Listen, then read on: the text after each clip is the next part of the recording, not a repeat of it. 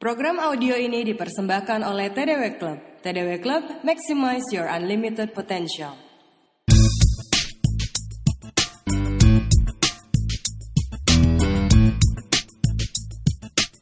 Selamat datang di CD The Standard of Your Life That You Should Have bersama Tung Desemwardin, pelatih sukses nomor satu di Indonesia. Selamat mendengarkan. kali rasanya. Pak Tung, tadi eh, sempat sounding ya Pak Tung ya, standar hidup. Ini penting loh Pak Tung. Ya, jadi manusia itu ternyata kalau kita tidak mempunyai standar, ya kita keluar dari standar yang kita punyai. Oh, standar yang kita tidak punyai gitu ya. Nah, inilah yang sangat-sangat menarik. Ternyata standar dalam kehidupan ini kita bagi menjadi dua. Ada satu yang namanya standar kehidupan yang tampak. Tampak? Maksudnya yang tampak itu, wow, kita punya mobil apa. Kemudian yang kelihatan oleh orang lain, begitu ya. Iya. Istilahnya tampak, terlihat, terdengar, terasa. Kendaraannya apa, jamnya apa, bajunya seperti apa, rumahnya berapa besar, di daerah mana. Nah, ternyata sering kali orang sibuk sekali dengan standar kehidupan yang tampak di luar. Padahal mereka tidak tahu standar yang tampak di luar ini datangnya dari mana. Mereka ingin sekali standar yang tampak ini berkualitasnya. Rumah yang berkualitas, mobil yang berkualitas, baju yang berkualitas, jam yang berkualitas, semuanya yang berkualitas. Ternyata standar kualitas kehidupan kita yang kita inginkan ini tadi sebetulnya muncul ataupun datang dari standar hidup yang kita punya dari dalam Yang tidak tampak ya Pak yang ya? tidak tampak itu apa ini yang harus kita miliki ini yang sangat-sangat menarik yang mestinya kita harusnya punya sehingga sehingga kita bisa jauh lebih sukses di dalam kehidupan ini mau belajar Mau dong. Ini hasil perenungan juga iya. Apalagi kalau yang tidak tampak seperti ini Pak Tung. Kita nah bantuan Pak Tung ya. yes dengan senang hati Agar tampak ini butuh bantuan Pak Tung nih. jangan nunggu penampakan itu Oke Pak Tung, Yes. bisa langsung dimulai. Nah, sekali lagi nih, ada standar yang tidak tampak dalam diri kita Ya. supaya kita hidupnya berkualitas. Satu yang paling penting adalah kondisi perasaan kita. Oke.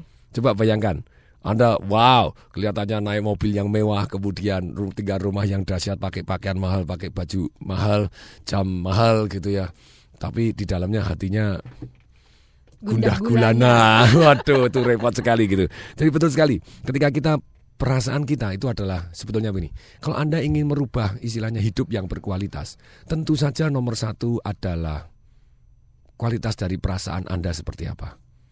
Bisa kebayang kalau misalnya kita dalam kehidupan ternyata sengsara terus walaupun Anda terlepas dari coba perhatikan baik-baik. Ada orang yang punya duit banyak, tetap aja tidak merasa punya duit.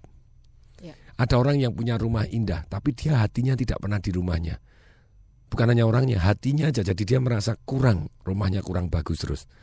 Ternyata apa pun yang kita inginkan yang tampak tadi, entah uang, apa pun yang Anda yang tampak tadi, itu ternyata sebetulnya sarana untuk merubah perasaan. Dan problemnya manusia ketika dia menggantungkan perasaannya dia dengan saya akan merasa begini kalau sudah di sana. Percaya atau tidak? Ketika Anda sampai di sana, di sana sudah menjadi di sini. Akibatnya selalu ada di sana lagi. ya. Iya, selalu akan ada di sana yang lainnya. Oke. Nah, kalau ada di sana yang lainnya, nah terus Anda ingin merubah perasaan lagi. Jadi Anda akan terkena satu yang namanya sindrom Elvis Presley. Apa itu sindrom Elvis Presley? Ya, jadi salah satu part bahwa kita harus punya hidup yang berkualitas. Ternyata sekali lagi kualitas tidak hanya tampak dari di luar, yaitu tentang kondisi rumah kita, mobil kita, termasuk bahkan sebetulnya standar tentang kesehatan, tentang relationship ataupun keuangan. Tapi ternyata ada satu lagi yang di dalam hidup kita yang tidak tampak. Ya. Supaya kita bisa hidup berkualitas, yaitu adalah kondisi perasaan kita. Yang tidak tampak tadi. Yang tidak ya. tampak. Ini sering kali orang terkena satu yang namanya sindrom Elvis Presley. Nah, tadi yang sudah diperjanjikan ini gitu ya. Itu dia yang kita tunggu-tunggu. Sindrom Elvis Presley ini yaitu Elvis itu meletakkan satu yang namanya perubahan perasaannya dia dengan faktor di luar dirinya. Kalau saya begini baru saya merasa bahagia. Elvis Presley, tahukah Anda dia dimulai pada waktu itu sebagai supir truk. Karirnya dia waktu dia umur belasan 17 tahun. Wah, Terus kemudian dia kepingin sekali merekam lagu untuk mamanya dan dia ngumpulkan duit karena mamanya ulang tahun dan kemudian dia rekaman lagu dan nyanyi Happy Birthday to you, Happy Birthday to you. Tentu saja suaranya lebih indah dari ini gitu ya. Happy Birthday dear mama gitu ya. Nah ternyata waktu dia rekaman yang studio yang baru ngerekam Wow, ini orang gantengnya kayak gini, suaranya, Suaranya mantap Mhm. begini, dahsyat luar biasa. Kamu rekaman aja, kamu nanti kan kaya raya dan terkenal. Dan dikenalkan dan kemudian dia betul nyanyi terkenal. Begitu dia terkenal, dia kaya. Begitu kayanya pada waktu dia sudah meninggal sekian puluh tahun yang lalu. Sekarang itu pasif income-nya dia, royaltinya yang sudah ditinggalkan sekian puluh tahun yang lalu sampai hari ini, ini setahun masih 80 juta dolar. Mhm. Itu income-nya gitu ya. Orangnya udah mati puluhan tahun. Kaya atau kaya banget? Kaya banget. Pertanyaan saya, waktu dia punya duit kaya banget, apakah dia bahagia? Oh tentu, sebentar. Ya Tentu atau ya? tidak. Oh, Hanya belum sebentar tentu, doang. Belum tentu. Hmm. Yes, dia hanya bahagia dalam short period. Kemudian, aduh kalau aku nyanyi kurang nih, saya harusnya show TV dong ini, show eh, bukan TV, show movie dong. Iya. Ya, kemudian jadi aktor dan meledak filmnya bagus-bagus. Dan dia ngetok, waduh kalau begini aku kurang bahagia tuh. Aku kalau bahagia merubah perasaanku tuh harus punya rumah yang begitu besarnya. Kemudian dia punya rumah begitu besar. Setelah dia punya rumah begitu besar, apakah dia bahagia? Sebentar. Mhm. Ayo, coba tes nih para pendengar yang saya cintai. Perhatikan baik-baik. Pernahkah Anda ngalami? Baik juga. Pernahkah Anda ngalami pada waktu kita kepingin sekali sesuatu hal. Setelah kita dapat, ya bahagia sih. Tapi sampai di sana setelah sebentar, kok cuman gitu ya? Ayo, pernah ngalami nggak nih kalau dari wajahnya nih ya? Semua orang pernah ngalami. Ingin apa? Ingin komputer baru, ingin handphone yang ya super canggih, ingin mobil yang super bagus. Setelah dapat, tuh perasaannya bahagia gimana? Biasa aja. Sebentar aja, biasa aja. Pak Fakri misalnya yang punya Smart FM cerita kepada saya, dulu kepingin sekali punya mobil. Nah, sekarang dia naik Mercy, naik apa segala macam semuanya, tetap mobil pertamanya yang lebih jos lah. Dia lah yang, yang jelek zaman dulu pertama kali dapat mobil, eh, enak tenan, I feel so good. Saya punya Mercy 3, tapi Mercy mana yang yang yang kenikmatannya lebih longer? Yang pertama. Tapi itu pun setelah berapa bulan terus biasa aja tuh. Pertama kali satu hari dua hari pertama kali naik, eh, eh. Nah pada waktu E-Class yang pertama kali Beli SLK Mercy Sport ya lumayan. Yang S-Class sekarang yang limited edition Ya very good juga gitu. Tapi rasanya lain gitu ya. Memang walaupun dulu juga seneng Tapi dulu senengnya lebih lama daripada sekarang. Sekarang juga seneng gitu. Ya Tapi lama-lama udah biasa gitu. Nah karena itulah yang ternyata sindrom Elvis Presley Kemudian apa yang dilakukan oleh si Elvis Presley? Untuk merubah perasaannya dia Dia melakukan apa? Hmm, kalau saya menikah nanti saya akan bahagia. Begitu dia menikah Apakah dia bahagia? Ya bahagia sebentar. Padahal dia menikah pada waktu itu dia nyari wanita yang paling cantik yang dia bisa dapatkan. Kurang apa Elvis Presley gitu ya. Jadi Anda jualan formulirnya aja untuk pendaftaran kalau dia menikah mungkin Anda kaya gitu ya. Begitu banyak wanita yang apply gitu ya. Nah, kemudian dia waktu itu Priscilla Presley baru umur 14 tahun. Diembu. Dikasih down payment dulu gitu ya. Diomongin nanti umur 16 dikawin. Setelah umur 16 dikawin. Setelah kawin apakah bahagia? Sebentar. Terus kemudian kalau punya anak nanti bahagia. Begitu punya anak bahagia? Enggak juga. Terus apa yang terjadi? Hmm. Elvis Presley nyoba pil koplo. Iya. Satu butir, lola, lolo. Merasa perasaannya berubah? Berubah sebentar. Sebentar. Besok satu cukup? Enggak. Dua. Dua cukup? Empat. Empat cukup? 36 butir. Hmm. Mate. Modar, dud, game point. Sayang banget ya Patung ya karirnya ya. Nah, karena dia mengandalkan satu perubahan perasaannya dia dengan faktor di luar dirinya dia. Saya begini, saya begini. Nah, ternyata ada yang menarik. Kalau emosi Anda benar, kalau Anda mempunyai kualitas hidup Anda, perasaan Anda, perubahan perasaan ini sehingga Anda mempunyai hidup yang berkualitas dalam satu kondisi akhirnya apa yang tampak tadi benar-benar juga berkualitas, tapi berkualitas bukan hanya di luar tapi juga di dalam. Ada satu ilmu yang sangat-sangat menarik. Jadi standar hidup yang harus kita punyain salah satunya adalah standar perasaan tadi.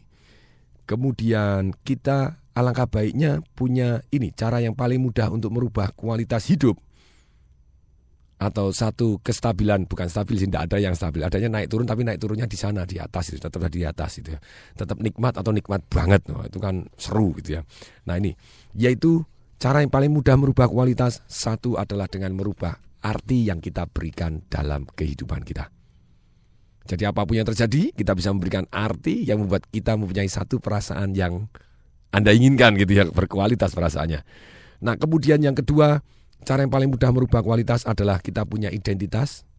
Yang ketiga, kita punya misi. Yang keempat, kita punya visi. Yang lima, kita punya kebiasaan yang membuat hidup kita berkualitas. Nanti kita akan bahas satu persatu selama dua jam ini. Mhm. Nah, kebiasaan ini sangat penting karena tanpa disadarin manusia ini dibentuk dari kebiasaan. Kalau kebiasaannya eo, jangan tanya perasaannya. Nanti perasaannya juga eo, terus kemudian hasilnya banyak hasil yang eo gitu. Nah, kembali lagi juga dibentuk dari pertanyaan, kualitas pertanyaan. Hidup Anda tergantung dari salah satunya adalah kualitas pertanyaan yang Anda sering lontarkan dalam kehidupan ini. Nih. Nah, sekarang jadi kita akan bahas satu persatu. Siap. Yes. Oke, kita mulai dari yang pertama, Pak Tung. Arti. Merubah arti. Yes perhatikan baik-baik. Dalam hidup ada kejadian-kejadian yang membuat kita memberi arti. Dan arti ini datangnya dari mana? Betul sekali. Arti ini datang dari masa lalu kita. Dan maksudnya masa lalu kita itu misalnya gelap. Artinya apa? Kalau Anda beri arti gelap ketakutan, lu kok bisa? Apakah sejak dulu gelap adalah menakutkan? Tidak, karena mungkin dulu Anda pernah pada waktu kecil dikunci di dalam kamar yang penuh kegelapan dan Anda takut, histeris. Atau Anda dengar cerita-cerita pada waktu dulu kecil, sedemikian sehingga Anda merasa bahwa kegelapan itu menakutkan. Kalau saya bilang misalnya kata-kata hantu, Anda kasih arti apa? Seram. Seram. Nah ini Mbak Eka bilang seram, tapi kalau saya bilang di Hong Kong sama aktornya hantu, ajak pacaran aja loh. nah, itu di Hong Kong sutradaranya lain. Di Indonesia sibuk nakut-nakutin orang. Kalau di, di di di luar negeri sana hantu malah diajak pacaran. Gus misalnya film Gus gitu ya. Iya. Nah itu wow gitu ya. Iya iya beda. Kelihatannya boleh juga ini hantunya gitu ya. Nah tapi sekali lagi apa dan kalau saya ngomong deh hantu tuh yes saya yakin itu istilahnya ciptaan Tuhan juga ada. Tapi problemnya yang kita imajinasikan itu adalah sesuai dengan budaya kita masing-masing. Misalnya saya bilang, hantu bentuknya seperti apa? Itu coba. Anda kan memberi arti tuh otak Anda. Oh, pocong. pocong, tuh lihat pocong. Sundel bolong. Sundel gitu bolong, gitu ya, kuntilanak. Sekarang saya tanya, lah kalau Anda di China sana, di China ada nggak? Vampire. Nggak ada, adanya tuh yang yang yang, yang lompat lompat noyong, yeah. toyong, toyong kepalanya ditempelin jeglek terus yeah. tempelin kertas langsung gerak. nah, lihat hantu di masing-masing tempat itu mempunyai bentuk masing-masing sesuai dengan budayanya. Walaupun ada gitu ya. Mm-hmm. Tapi kembali lagi bentuk imajinasinya tergantung kita memberi artinya, tergantung masa lalu kita kita mendapat input seperti apa. Problemnya apakah yang kita memberi arti ini misalnya sama-sama deh ini yang sering kali saya ceritakan. Dua wanita yang diperkosa oleh empat orang lagi anda memberi arti apa? Yang satu memberi arti hidupku hancur. Hancur. Tidak ada orang laki-laki yang mau dengan aku. Kemudian ini hukuman dari Tuhan. Ya. Saya jadi sampah. Ya. Kalau dia memberi arti seperti itu, hidupnya berkualitas atau tidak berkualitas? Tidak. Bunuh diri. Ya. Tapi ada juga yang memberi arti yang berbeda. Saya tahu ini panggilan Tuhan. Wow, yang satu bilang hukuman Tuhan, yang satu bilang ini panggilan Tuhan. Terserah Anda yang memberi arti. Anda memberi arti dengan cara yang berbeda. Kualitas hidup Anda berbeda, perasaan Anda berbeda, tindakan Anda berbeda. Nih, kalau Anda memberi arti yang berbeda, emosinya berbeda. Kalau emosinya berbeda, sikap dan keputusan Anda berbeda. Sikap dan keputusan Anda berbeda, tindakan Anda berbeda. Tindakan Anda berbeda, hasilnya berbeda. Hasilnya berbeda, nasib Anda berbeda. Nasib Anda berbeda, hidup Anda berbeda. Ini loh, jadi standar yang paling penting di dalam kehidupan kita. Yes, di luar tadi boleh mobil apa, semua kondisi keuangan, kondisi relationship, kondisi kesehatan. Yes, that is very very important. Tapi ada satu yang membuat mereka semua itu tadi terwujud. Salah satunya adalah kondisi dari perasaan. Kalau Anda bisa nggak Anda mencapai tadi tanpa mempunyai perasaan yang tepat? Bisa, selama tindakannya tepat. Ini sering kali orang bilang, wah sukses harus punya goal, punya apa. Yes, yes, yes, itu adalah just one part. Ada tujuh cara untuk resep sukses anti gagal juga boleh. Tapi yang dari tujuh tadi, yang nomor paling penting adalah action Anda gitu. Kalau Anda actionnya terbaik, Anda actionnya memberi nilai tambah manfaat pada orang lain, walaupun Anda tidak punya goal, walaupun Anda tidak punya dream, walaupun tidak Anda punya apa, tapi Anda punya action yang betul-betul memenuhi syarat ke sana, Anda mendapatkan yang Anda inginkan. Oke. Patung tadi uh, Yes. arti yang berbeda Ya. sangat penting Patung ya dalam menentukan sikap kita karena Mm-mm. mempengaruhi emosi kita juga ketika kita memberikan arti yang berbeda tadi. Kalau emosinya salah, Tindakan kita juga salah. iya keputusan kita salah. Kalau keputusan kita salah, tadi tindakannya salah. Mhm. Kalau tindakannya salah, hasilnya Salah. kalau hasilnya salah, nasibnya Salah. kalau nasibnya salah, hidupnya Salah. salah. Nih perhatikan baik-baik. Orang yang membunuh orang pun mereka pasti punya alasan pembenar. Lah saya dihina. Dia memberi arti kalau dihina berarti boleh bunuh.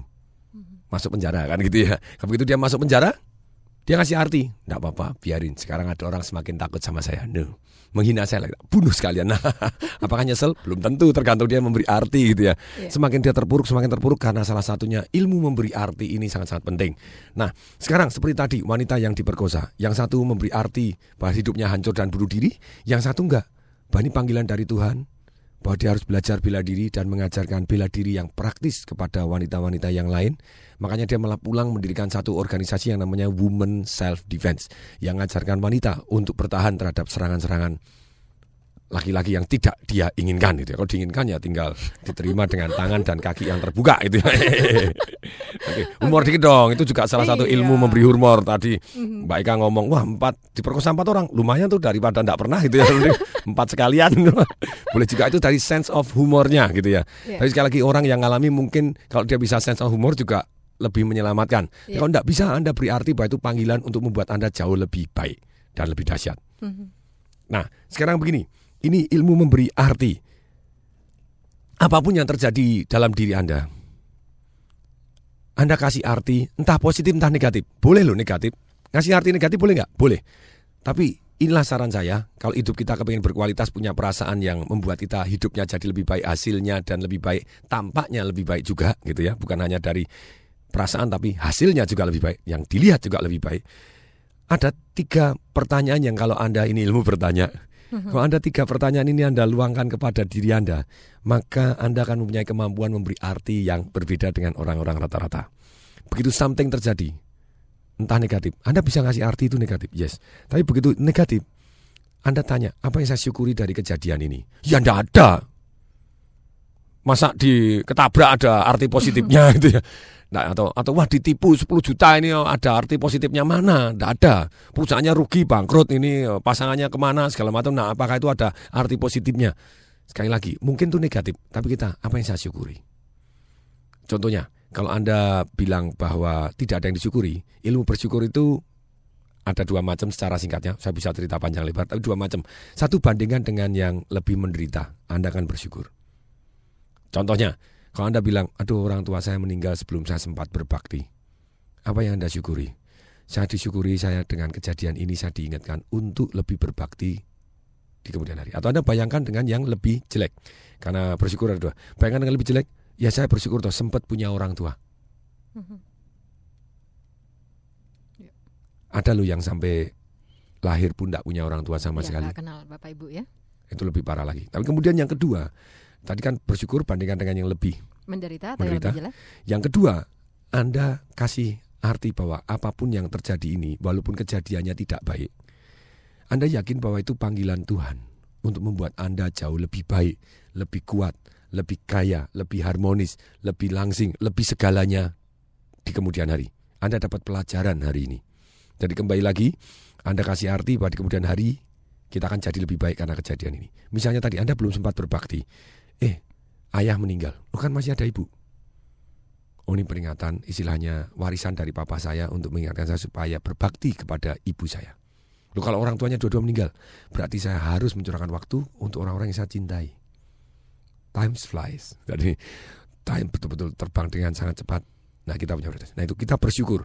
Apa yang saya syukuri dari kejadian ini? Cuman kalau kita tanya seperti ini, yes kita feel good, betul. Tapi tidak menjadi lebih baik. Kita hanya feel good doang supaya kita juga actionnya mengarah ke tempat yang jauh lebih baik. Pertanyaan yang kedua adalah, bentar saya selanjutkan ya. Kalau ada yang telepon sabar nih, sabar Oke. tunggu ya saya karena tiga ini penting nih. Ini life management nih, di manajemen dulu. Jadi yang yang kedua adalah Anda harus punya pertanyaan seperti, lalu apa yang harus saya pelajarin dari atau karena kejadian ini yang akan membuat saya menjadi lebih baik, lebih kuat, lebih hebat, lebih apa pun di kemudian hari karena kejadian yang kurang baik ini. Yang ketiga, lalu apa yang akan saya lakukan sekarang, lalu apa yang harus saya lakukan sekarang, yang akan membuat saya ada empat hal. Satu, merasa lebih baik. Rata-rata orang hanya sampai di sini, makanya minum pil koplo, mungkin ngerokok hanya minum alkohol, dia cuma merasa lebih baik. Padahal tidak boleh. Anda bukan hanya merasa lebih baik, tapi betul-betul yang kedua menjadi lebih baik. Jadi ada manfaat, bukan nikmat doang. Ya. Yang ketiga, orang banyak jadi lebih baik. Yang keempat, direstui Tuhan. Saya ulangi, kalau Anda kepengen memberi arti yang dahsyat dalam kehidupan ini, satu tanya apa yang saya syukuri dari kejadian ini, apa pun, pas selalu akan ada yang disyukuri.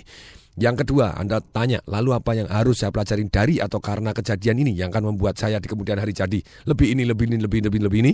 Yang ketiga, lalu apa yang saya lakukan yang akan membuat saya satu merasa lebih baik, menjadi lebih baik sungguh-sungguh dalam kondisi fisik, keuangan, kesehatan, relationship, semuanya jadi lebih baik dan orang banyak jadi lebih baik, bukan hanya kita doang dan direstui Tuhan itu just perfect. Anda beri arti ini, hidup Anda merasa lebih baik dan kondisi Anda tampak betul-betul jadi lebih baik juga. Begini, jadi kalau kita dalam kehidupan lagi tadi, satu kita sudah punya ilmu memberi arti.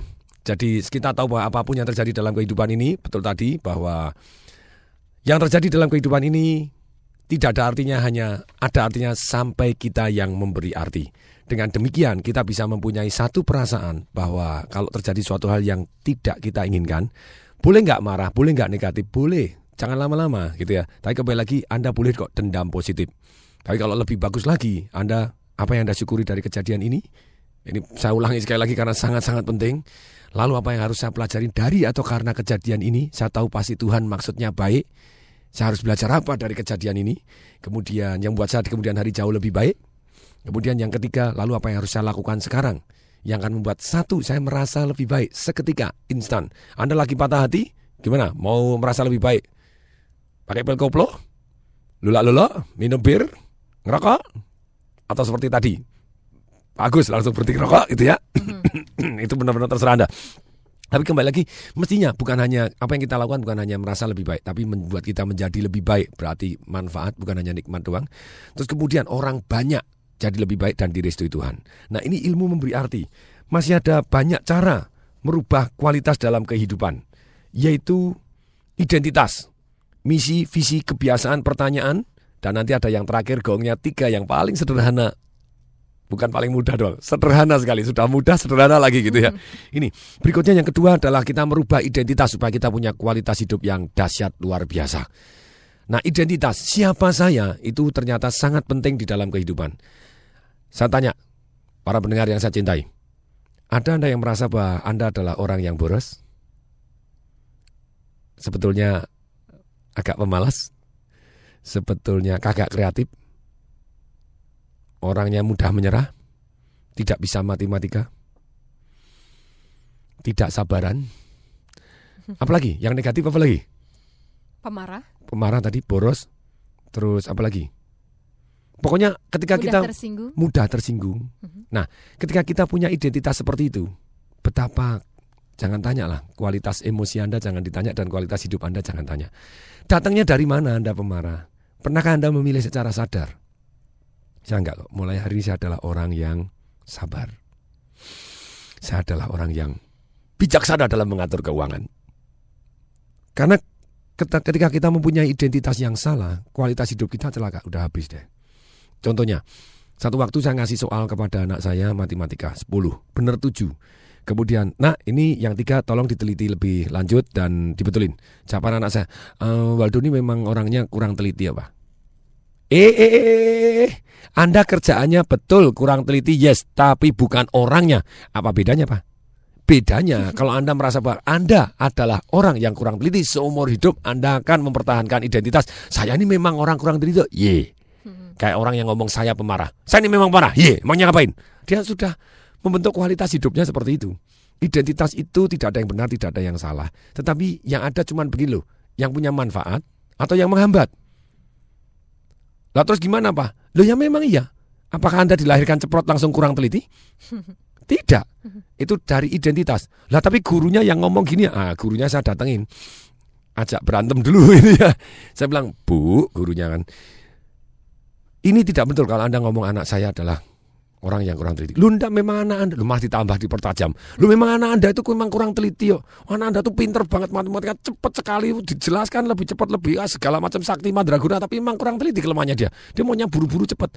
Bu, kerjaannya buru-buru, bukan orang. Apa bedanya? Sekali lagi, gini, kita boleh sekali waktu males, kita boleh sekali waktu boros, kita boleh sekali waktu marah, tidak pada tempatnya. Manusiawi karena segala memori kita ditekan jebret, itulah. Tapi kita tidak boleh beremosi berkepanjangan apalagi punya identitas saya pemalas. Beda nggak? Sewaktu waktu, sekali waktu kita malas dengan saya adalah seorang yang pemalas. Oh, beda sekali. Saya adalah orang yang mudah tersinggung. Iya. Pernahkah Anda memikir secara sesungguhnya siapa Anda dengan baik dan benar Anda renungkan siapa Anda sesungguhnya?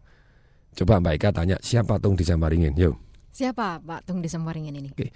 Tung Desemwaringin adalah ini hasil pilihan saya dan renungan saya dan identitas saya. Saya Tung Desemwaringin adalah orang yang bijaksana, sehat, keluarganya harmonis, kaya raya dan ceria yang menjalani hidup dengan penuh semangat, diberkati dan dibimbing oleh Tuhan yang menghadapi tantangan dalam kehidupan ini dengan cara membuat tantangan tadi menjadi simple, fun, useful, and valuable untuk diri saya sendiri, untuk keluarga saya, untuk orang banyak, dan untuk Tuhan. Enak? Enak, lengkap. Nah, Anda apakah harus tiga kalimat seperti itu? No, Anda pilih kualitas. Empat kata, eh, empat kata, lima kata yang dalam satu kalimat yang ada iramanya. Kalau Anda nyanyikan dengan penuh irama, tanpa sadar mempengaruhi kehidupan Anda. Mohon maaf nih ya, mohon maaf, mohon maaf. Banyak penyanyi yang menyanyikan satu lagu yang akhirnya menjadi identitasnya dia tanpa disadarin. Contohnya ada orang yang nyanyi makhluk Tuhan yang paling seksi. Selama dia nyanyi ini dengan penuh perasaan di depan umum, saya yakin sampai tua pun dia akan seksi. Ada juga yang nyanyi, pulangkan saja, mendadak dipulangkan juga. Ketika Anda melakukan sesuatu hal dengan penuh irama, hmm. ada efek psikologisnya. Apakah semua? Tentu Bahkan tidak. buat yang mendengarkan dan menyanyikan kembali itu juga ada Hati-hati loh, hati-hati loh. Apa yang Anda nyanyikan atau istilahnya Anda iramakan tanpa sadar kalau jadi identitas Anda, bahaya loh. Ada yang nyanyi jatuh bangun, jatuh bangun sungguhan katanya loh saya enggak tahu saya enggak, enggak, enggak ngikutin itu karena peserta-peserta seminar yang cerita begitu. Hmm. ini begini pak. Ada yang bangun tidur terus tidur lagi katanya gitu. Nah bukan masalah kenapa kenapa tapi sometimes kita mempengaruhi psikologis kita di bawah. Siapa anda? Kenapa tidak anda tentukan? Walaupun itu belum. Misalnya pak saya adalah orang yang sabar tapi saya kadang marah. Tidak apa-apa. Pada waktu anda marah oh ini sifatnya orang lain yang jelek lagi lewat saya pribadinya adalah sabar. Ketika Anda bilang saya adalah sabar, saya adalah pemberani, saya adalah tangguh. Anda tanamkan identitas ini bukan hanya kepada diri Anda, tapi kepada anak Anda. Hmm, hasilnya dahsyat luar biasa. Baik. Anak saya saya tanamkan. Contohnya, nak kamu itu beruntung dapat DNA turunan dari engkongmu, dari papahmu, sudah dari lahir ceprot kamu tangguh. Nah dari kecil sudah saya omongin begitu. Jadi akibatnya lebih penting dari DNA-nya pun karena dia punya saya yang tangguh. Kemarin dia komputer tidak bisa online, live problem terus satu setengah jam akhirnya bisa lain terus kemudian dia Papa Waldo ini anak yang tangguh Pak. Dan kemas satu setengah jam tidak bisa terus Pak, sampai akhirnya bisa. Hmm ini Pak. Dia sendiri sudah punya identitas yang tangguh. Ya. Itu modal untuk masa depannya dia yang akan buat dia jauh lebih sukses. Ya. Patung, kita lanjutkan hmm. lagi Patung pada standar berikutnya tadi ilmu memberi arti, kemudian merubah identitas ya Patung. Ya identitas dan identitas ini kita pilih dengan sengaja. Kalau Anda mempunyai satu identitas-identitas yang Anda sadarin itu menghambat, ganti secara sadar yang manfaat. Kemudian Anda lakukan incantation, inilah saya.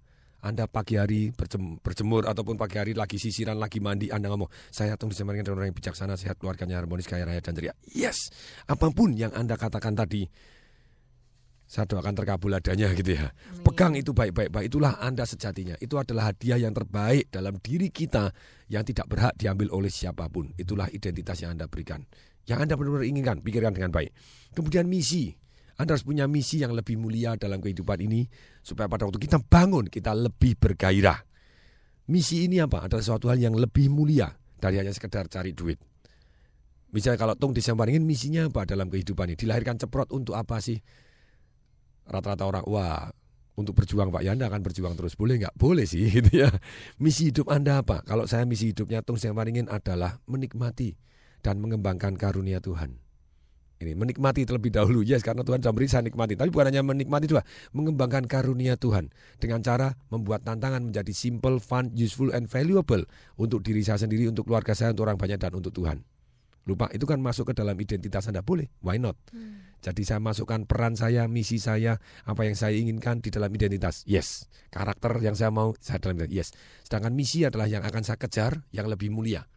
Nah berikutnya, apa misi Anda yang lebih mulia? Yang Anda bangun tidur langsung fresh, segar. Contoh, contoh itu tadi. Misalnya pada waktu saya di Solo, pada waktu itu dia dapat piala Adipura ketujuh kalinya, kota terbersih. Hampir ke delapan kali dapat Mhm. Adipura Kencana. Waktu saya survei ternyata beda dengan kota yang lain. Kalau kota yang lain yang bersih-bersih itu ditanya, yang bagian bersih-bersih bak sampah, bersih-bersih jalan nyapu, tanya, Pak sedang apa? Orangnya melotot, nyapu. Udah gajinya, mungkin dalam hati dia ngomong, udah gajinya kecil, yang nanya goblok lagi. Jangan apa, lihat bisa matanya di mana, mungkin dalam hati Iya, gitu ya. Tapi di Solo enggak gitu ya. Mereka punya misi yang lebih mulia dari hanya sekedar bersih-bersih. Ditanya, lagi sapu-sapu. Pak, sedang apa? Oh, saya sedang mempertahankan piala Adipura, Pak, untuk kedelapan kalinya. Adipura Kencana, Pak, pasti dapat. Dan Bapak harus tahu, Pak. Adipura 1 sampai 7, saya ikut andil. Hmm. Wow. Wow. Kalau sudah gitu ya terang aja gitu ya. Mesti lebih bersihnya. Mhm. Kalau Anda guru ditanya, sedang apa? Ngajar. Gajinya kecil, muridnya nakal, ada yang nanya, goblok lagi. Dablek lagi. Dablek lagi, wah, silaka ini. Nah, tapi kalau Anda seperti itu ya susah gitu. Tapi kalau Anda bangun tidur, oh, misi saya secara emosi akan berbeda gitu ya. Misi saya adalah mencerdaskan kehidupan bangsa. Hmm. Misi saya adalah mencetak orang-orang yang jauh lebih bahagia, Mhm. lebih kaya, lebih sukses dan membuat calon presiden seluruh dunia dari sekolah saya. Ya. Oh ternyata dia guru di Menteng di SDN 1 gitu ya gurunya Obama gitu ya. Jadi silakan tapi Anda punya punya misi yang seperti itu hidup Anda akan bergairah. Kualitas hidup Anda betul-betul standar Anda beda dengan standar orang yang tidak punya misi yang lebih mulia tadi. Oke, Tentukan Patung, misi Anda. Yes. Kita Hmm. sambung lagi karena Eka juga penasaran nih Patung standar kehidupan yang harus kita miliki apa saja Patung selain Ya. ilmu memberi arti, merubah identitas, kemudian misi Patung. Berikutnya begini, visi kita. Nah, kalau visi apa?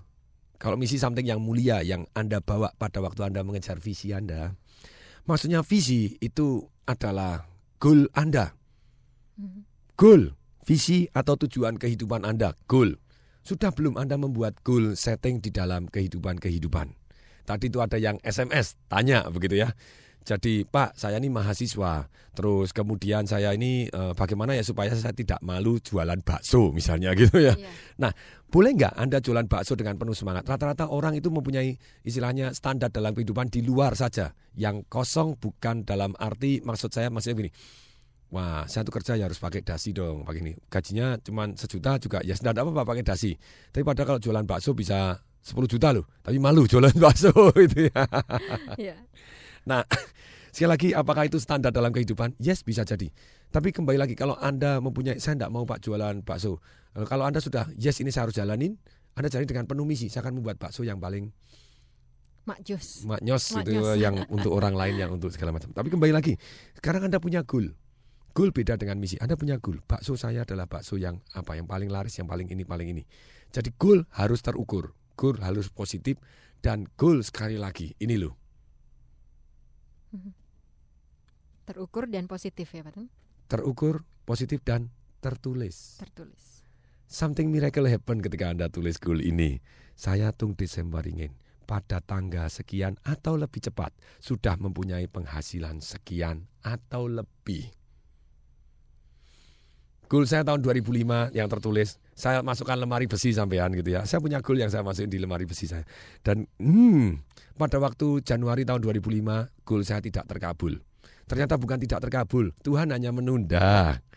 Setelah 2007, 2008, 2009, 2010 saya bilang, wow, saya jauh lebih dari apa yang satu isi tahun 2005 ini. Jadi kenang-kenangan untuk saya. Saya punya 101 goal yang saya tulis. Sudahkah Anda? Ingin menjadi apa? Mhm. Ingin punya apa? Ingin melakukan apa? Do, uh, be, do, and have. Anda ingin be apa? Be apa? Ketika saya bilang yes, saya pengen jadi ahli tentang kesehatan. Saya pengen jadi ahli B, B apa? Ahli apa? Anda tentukan. Saya pengen ahli tentang keuangan, ahli tentang investasi, ahli tentang properti, ahli tentang bisnis, ahli tentang keuangan, ahli tentang relationship, ahli tentang kepemimpinan, ahli tentang komunikasi, tentang ahli tentang public speaking, ahli tentang negosiasi, ahli tentang menyembuhkan orang, programming, neurolinguistic programming, neurorasial, ahli tentang seks. Boleh nggak? Boleh, oh, manusia kok semua kan boleh, toh masa enggak boleh? Wong itu milik-milik Anda sendiri. Anda punya goal, jadi Anda punya standar di dalam sini karena standar Anda terbentuk salah satunya dari goal dalam kehidupan kita. Kemudian sekali, Anda ingin punya apa? Punya rumah segini besar. Anda pengen punya mobil, silakan. Anda pengen punya rekening, pengen punya pasif income, punya masif income, silakan. Nah, tertulis spesifik dan positif gitu. Oke, pertanyaan tadi uh, datang dari Jaka di Medan, Pak Tung Oh, ya. Jaka, iya silakan Jaka. Mahasiswa ya. Hmm. Semoga tidak Jalanin minder, aja. jalanin Anda aja. penuh dengan misi dengan bergairah. Oh, bakso saya yang cocok itu silakan gitu ya. Ya, silakan. Dan kalau Anda merasa bahwa itu tidak layak untuk Anda boleh nggak? Boleh. Tapi Anda saya akan kerjakan sebaik mungkin, sebagus mungkin. Tapi ini hanya sementara kok, hanya batu loncatan untuk membuat saya punya bisnis yang lebih besar lagi. Silakan. Iya, dan kita uh, siap memberikan testimoni ya, Pak Tung ya, kalau baksonya dikirim dari Medan Oh ke yes Jakarta itu ya. untuk sarapan. Berarti harus dibekukan dulu kalau nggak nanti dan dipanasin. Yes. Hmm. Oke, pada standar kehidupan berikutnya, Pak Tung. adalah tentang kebiasaan kita. Manusia dibentuk pertama kali kita istilahnya membentuk apa yang kita pikirkan dan apa yang kita ucapkan. Apa yang kita pikirkan dan kita ucapkan itu timbul dari apa yang kita rasakan tadi. Setelah kita pikirkan, kita ucapkan mendadak jadi sikap dan tindakan. Kumpulan dari sikap dan tindakan akhirnya jadi kumpulan kebiasaan. Kumpulan kebiasaan akhirnya jadi kumpulan nasib kita. Sikap dan tindakan kita membuat hasil, hasil tadi adalah nasib kita. Nah, kebiasaan apa yang Anda lakukan? Please mulai bangun tidur. Kenapa tidak kita pilih, kita desain dengan sadar. Anda bangun tidur, oke deh, boleh ikut saya? Misalnya nih, bangun tidur kebiasaannya langsung tersenyum, begitu buka mata tersenyum, ngolet langsung bersyukur, langsung ngolet, senyum, langsung tarik nafas sambil terima kasih Tuhan. Terus tarik nafas lagi, oh yes, it feels so good. Setelah ngolet ngomong terima kasih kalau kebiasaan saya gosok-gosok punggung istri saya gitu ya nyium istri saya bilang I love you thank you so much gitu ya. Dan tahu tahu istri saya makin lama makin awet muda itu ya. Ya feel good juga. Terus kemudian kebiasaan apa lagi? Saya tanya apa yang saya syukuri hari ini? Kebiasaan apa yang anda tanya kepada diri anda yang membuat hidup anda lebih berkualitas? Perhatikan ini saya belajar dari Benjamin Franklin saya belajar dari Anthony Robin orang-orang yang dahsyat di dunia ini. Nah kita mulai dengan hari dengan tersenyum dengan bersyukur terus kemudian bimbing dengan pertanyaan, boleh dengan doa, silahkan doa. Terima kasih Tuhan atas segala kebijaksanaan, kesehatan, panjang umur, kekayaan, keharmonisan dalam keluarga saya, keceriaan yang sudah Tuhan berikan pada hambamu ini dan hambamu janji untuk berlimpah sehingga, sehingga bermanfaat untuk orang banyak. Wow, Anda boleh doa, ciptakan doa Anda sendiri. Kemudian Anda tanya apa yang Anda syukuri. Kemudian tanya lagi, apa perbuatan baik yang akan saya lakukan hari ini? dua hal. Misalnya itu, oh saya mau gini begini. Wow, kenapa tidak? It's just good. Kemudian Anda tanya lagi, apa yang akan saya pelajarin hari ini? Terus kemudian, apa dua hal kecil yang akan saya lakukan yang mengarah ke arah impian saya? Nih, pada kalau Anda mau feeling good, boleh Anda tanya, siapa yang mencintai saya ya? Siapa yang saya cintai? And you will feel good gitu ya. Dengan memulai hari dengan penuh semangat dengan penuh gairah. Ih emosi anda berkualitas ini hari ini. So good. Tapi kembali lagi sore hari anda akhiri dengan apa? Perbuatan baik apa yang sudah saya lakukan ya? Apa yang saya syukuri hari ini? Apa yang saya pelajarin hari ini ya? Dua tindakan apa yang sudah saya lakukan? Oh belum. Oke kalau begitu saya set. Besok saya akan lakukan. Saya akan tidur dengan damai. Terus kemudian sekali lagi benar-benar siapa yang mencintai saya dan apa yang sudah saya cintai ya? Dan anda feel good anda tidur dengan bless. Berarti itu banyak melakukan self talk ya Pak Tung ya? Yes. Patung lakukan sendiri dari Yes. eh, pada saat apa Patung berdoa atau Patung Bangun harus tidur. menyendiri atau bagaimana? No, bangun tidur kan otomatis walaupun ada ada teman ada apa silakan tapi anda bangun tidur you just do this habit. Kemudian bangun tidur, Anda pada waktu Anda mandi, Anda sebut, Tung disebaring adalah yang bijaksana, sehat, keluarganya harmonis, kaya raya, dan sehat. Yes, sambil mandi. Ngaca juga, yes ini loh orang yang bijaksana, sehat, keluarganya harmonis, kaya raya, dan sehat. Yes, silakan. Ya Anda kasih emosi, Anda sebutkan identitas Anda. Terus ini misinya ini loh ya, misinya ini menikmati, menikmati, jangan lupa menikmati. Dan mengembangkan, jangan lupa hanya nikmati doang. Harus mengembangkan karunia Tuhan. Oke. Dalam menghadapi tantangan ini supaya simple, fun, useful, and valuable untuk diri saya sendiri, untuk keluarga saya, untuk orang banyak, dan untuk Tuhan. Wow. Terus kemudian Anda apa? Biasakan bangun tidur setelah ini minum minum apa pun yang buat Anda jauh lebih sehat. Hmm. Olahraga, stretching, Minum air putih, jongkok. jus ya. Hmm. Yes.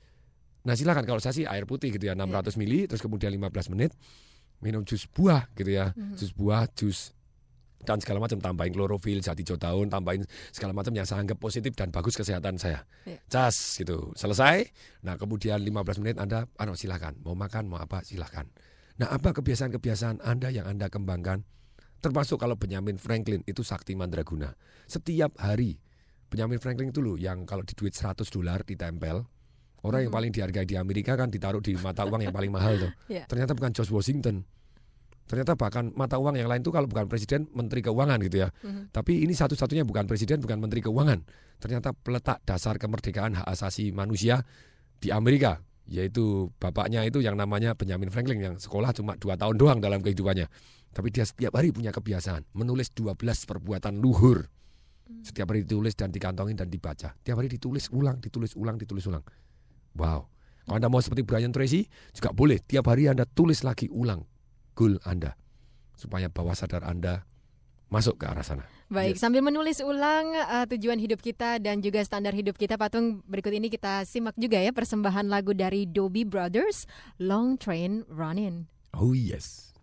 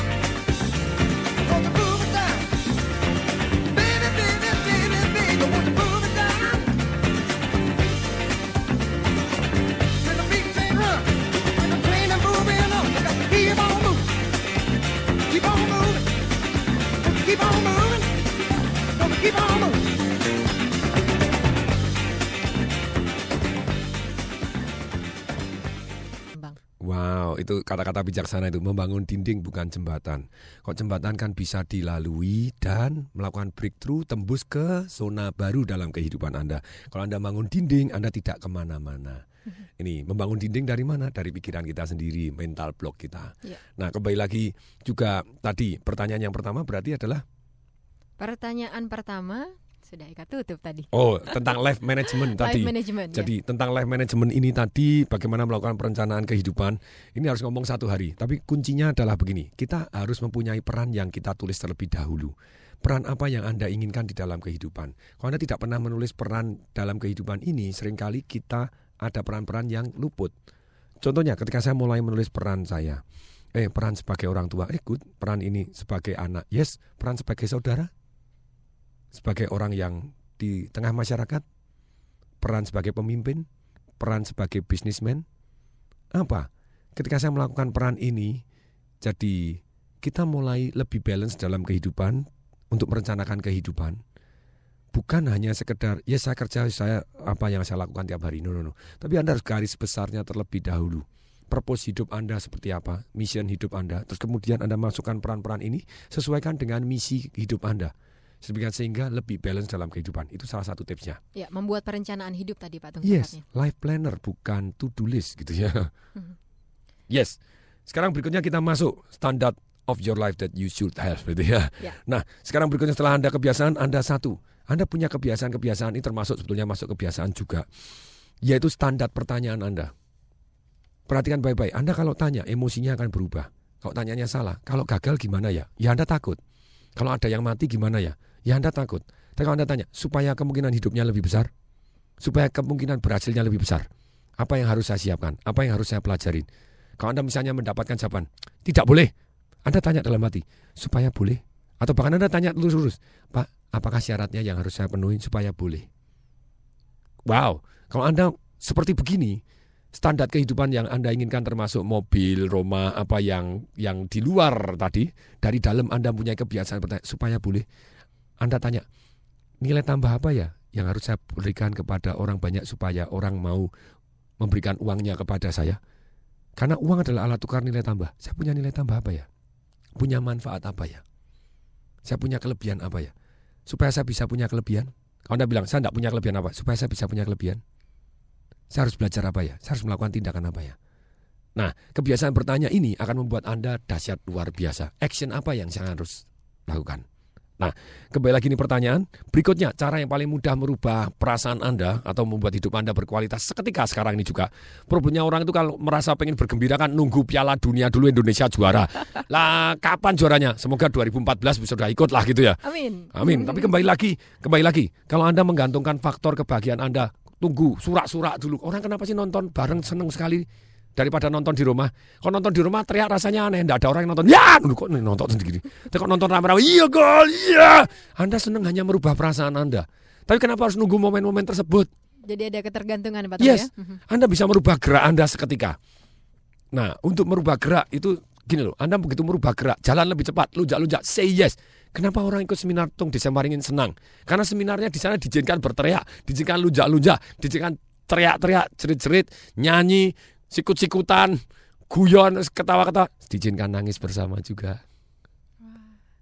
Wow, jadi diizinkan feeling exciting luar biasa dan diajarin caranya seketika. Jadi Anda rubah kata-kata Anda yang membuat Anda jadi penuh semangat. Hati-hati terhadap kata-kata, perhatikan baik-baik ini. Kalau Anda ngomong, saya bingung, Anda jadi bingung. Lebih baik dari bingung, Anda rubah.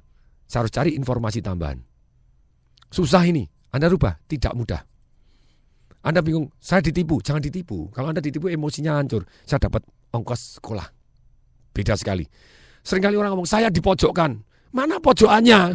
Saya ditusuk dari belakang. Mana lubang di punggung Anda? Tidak ada. loh. Jadi Anda menggunakan kata-kata yang membuat emosi Anda totally wrong. Kenapa saya ditanya, apa kabar? Jawaban saya, dahsyat. Karena membuat kualitas hidup saya menjadi dahsyat sungguh-sungguh. Nah saran saya, ini PR, selama 10 hari berturut-turut Anda harus puasa ngomong negatif. Dan puasa bergerak negatif. Jadi kalau Anda dagunya turun, merengut terus gitu ya. Anda merasa, eh aku kok merengut ya sekarang tak tarik nafas senyum dulu ya. Boleh nggak sewaktu-waktu merengut? Boleh, manusiawi aja gitu ya. Kadang tong disabaringin juga waktu pas dia ingat satu yang negatif ya jadi merengut juga gitu ya. Tapi kan kita sudah tahu caranya. Rubah fokus Anda supaya Anda senyum. Ingat apa yang positif dari hal ini. Apa yang saya syukuri. Anda akan beri arti yang berbeda. Fokus Anda berubah. Kualitas suara Anda, kata-kata Anda, perhatikan. Anda bisa, apa kabar? Ya, dahsyat deh. Ya enggak dahsyat itu. Nadanya beda, hasilnya beda. Kata-kata gerakan jalan lebih cepat, lunjak-lunjak. Yes, Anda sudah bisa seperti anak-anak itu loh. Anak-anak itu kalau jalan kan lain. Ning, ning, ning. Ye. I just feel good. Gitu. Nah kenapa tidak? Anda feel good, Anda rubah seperti itu, Anda feel good. Seketika dan hidup Anda standarnya berbeda. Tidak nunggu, sekali lagi, pesta, tidak nunggu nonton TV, tidak nunggu nonton bola rame-rame, baru teriak-teriak. Anda, Anda boleh kok. Yes, no. Sekarang coba teriak. Yes, no. Yes. Nah, ini orang kanan gila, Anda edan. Enggak apa-apa ini punya lebih baik tampak gila daripada gila sungguhan. daripada tampak waras. Nah, sekali lagi nih, standar kehidupan Anda dalam hidup Anda memberikan apa? Perhatikan baik-baik. Kok dalam kualitas hidup ini Anda memberikan poor, Anda tidak dapat reward. Kalau Anda memberikan good, Anda dapatnya poor reward. Tapi kalau Anda memberikan excellent dalam kehidupan ini, Anda dapat good reward. Tapi ketika Anda memberikan dalam kehidupan ini something yang outstanding, become the best, Anda get all the reward. Sekali lagi, ini bukan kesempurnaan. Kalau Anda punya standar bahwa harus sempurna dulu baru bergerak, tahukah Anda bahwa sempurna adalah standar paling rendah dalam hidup Anda? Progress itu adalah something yang bagus. Gilo, Anda melakukan yang terbaik, memberikan yang terbaik, tapi lakukan dan terus kembangkan progres. Anda lakukan yang terbaik yang sekarang yang Anda tahu. Sekali lagi, yang sekarang Anda tahu. Lakukan dulu. Sempurna adalah bullshit kalau menurut saya. Jadi Anda lakukan dan perbaiki-perbaiki sampai Anda be the best. Maka standar kehidupan Anda akan dahsyat luar biasa. Oke.